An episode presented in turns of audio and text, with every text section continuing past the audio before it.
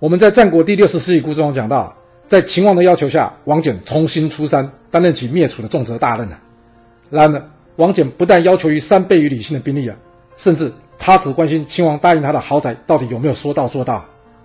更离谱的是啊，他拿到六十万大军之后，竟然整日闲闲不与楚军战斗啊。不过，就是这样的王翦，最后成功的灭了楚国，也成功的避免了落入狡兔死、走狗烹，或是说功高震主的陷阱之中啊。王翦用他亲身的经历，成功的示范了一次如何对上进行管理，让他成功的躲过朝中的风暴，安享晚年。